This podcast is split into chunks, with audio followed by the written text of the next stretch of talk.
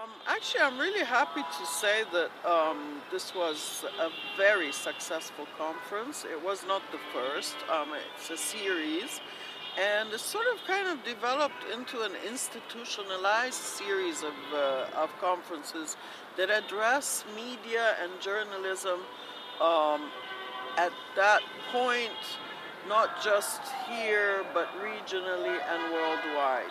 So, um, it really was a success. Um, I think that uh, the partnership with Oslo Met was really um, beneficial, um, not just to the mostly journalists that we had and media professionals that attended, but also to students and faculty.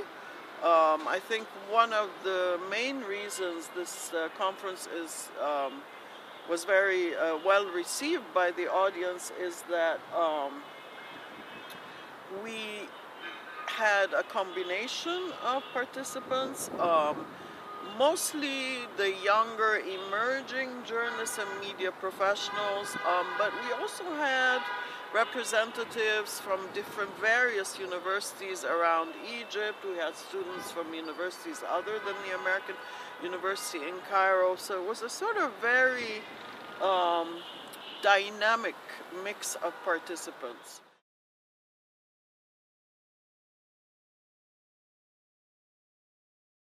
The conferences also was also very successful because we moved away from mainstream ideas because we worked together and we brainstormed together so we moved away from the usual mainstream ideas that you see at a lot of uh, uh, industry or university conferences, and we looked at journalism in the age of entertainment and uncertainty. So this was really, really unusual, at least in as far as our participants thought. Uh, we were able to look at the issues that are challenging media uh, journalism and also other types of media professionals but we also were able not just to look at challenges, but to look at opportunities. Now, we were very fortunate to have some excellent panelists. Unfortunately, they were not able to come in person, but we did have uh, some very uh, futuristic speakers from Norway. And when you have something like that, what happens is that it allows people to get very interesting ideas about how to deal with things from technologies that are impacting media or um, social media that is changing the face of journalism or you know this kind of stuff and um, this of course was really a real opportunity because not only do you have someone telling you about their experience but we also share so it's really um, very interesting how experiences need to be shared.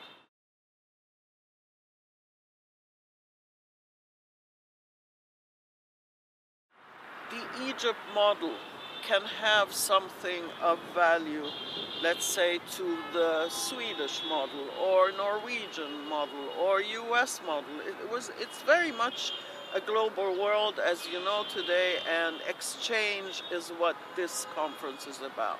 It's also an exchange between the panelists and the audience. It's almost like a conversation, even if we have 100 participants. It's like an conver- open conversation. It was an opportunity for people to actually almost network together.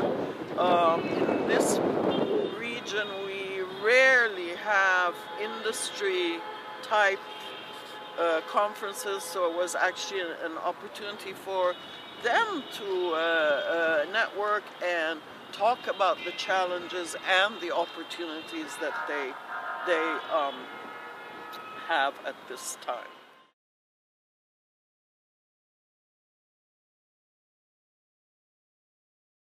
The feedback came back came to us in many ways. I mean of course, people telling us that it, uh, it's great, participants saying it's great, but we also had very high media coverage, which um, in itself is probably the most important type of feedback because it reaches a much wider audience. Also, this time, one of the other ways that we were able to, to really reach a, a bigger number of interested people is that we broadcast all the sessions live on Facebook. So we also got a lot of commentary on the conference via via the live broadcast and via the social media coverage. So um, you know, I think that uh, I like I like the way um, feedback comes to us today.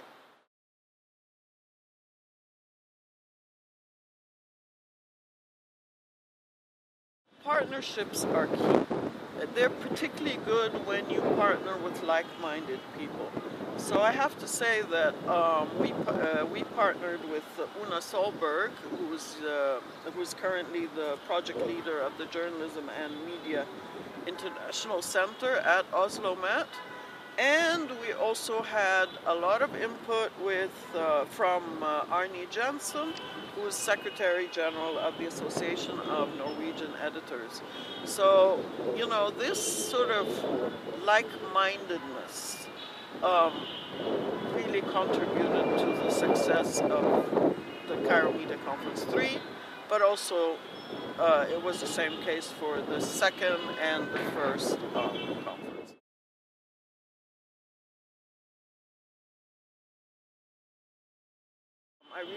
Forward actually, and I am sure that we will continue to hold these conferences. But uh, I would like to expand that further and look forward to working on other aspects of, you know, uh, cooperation.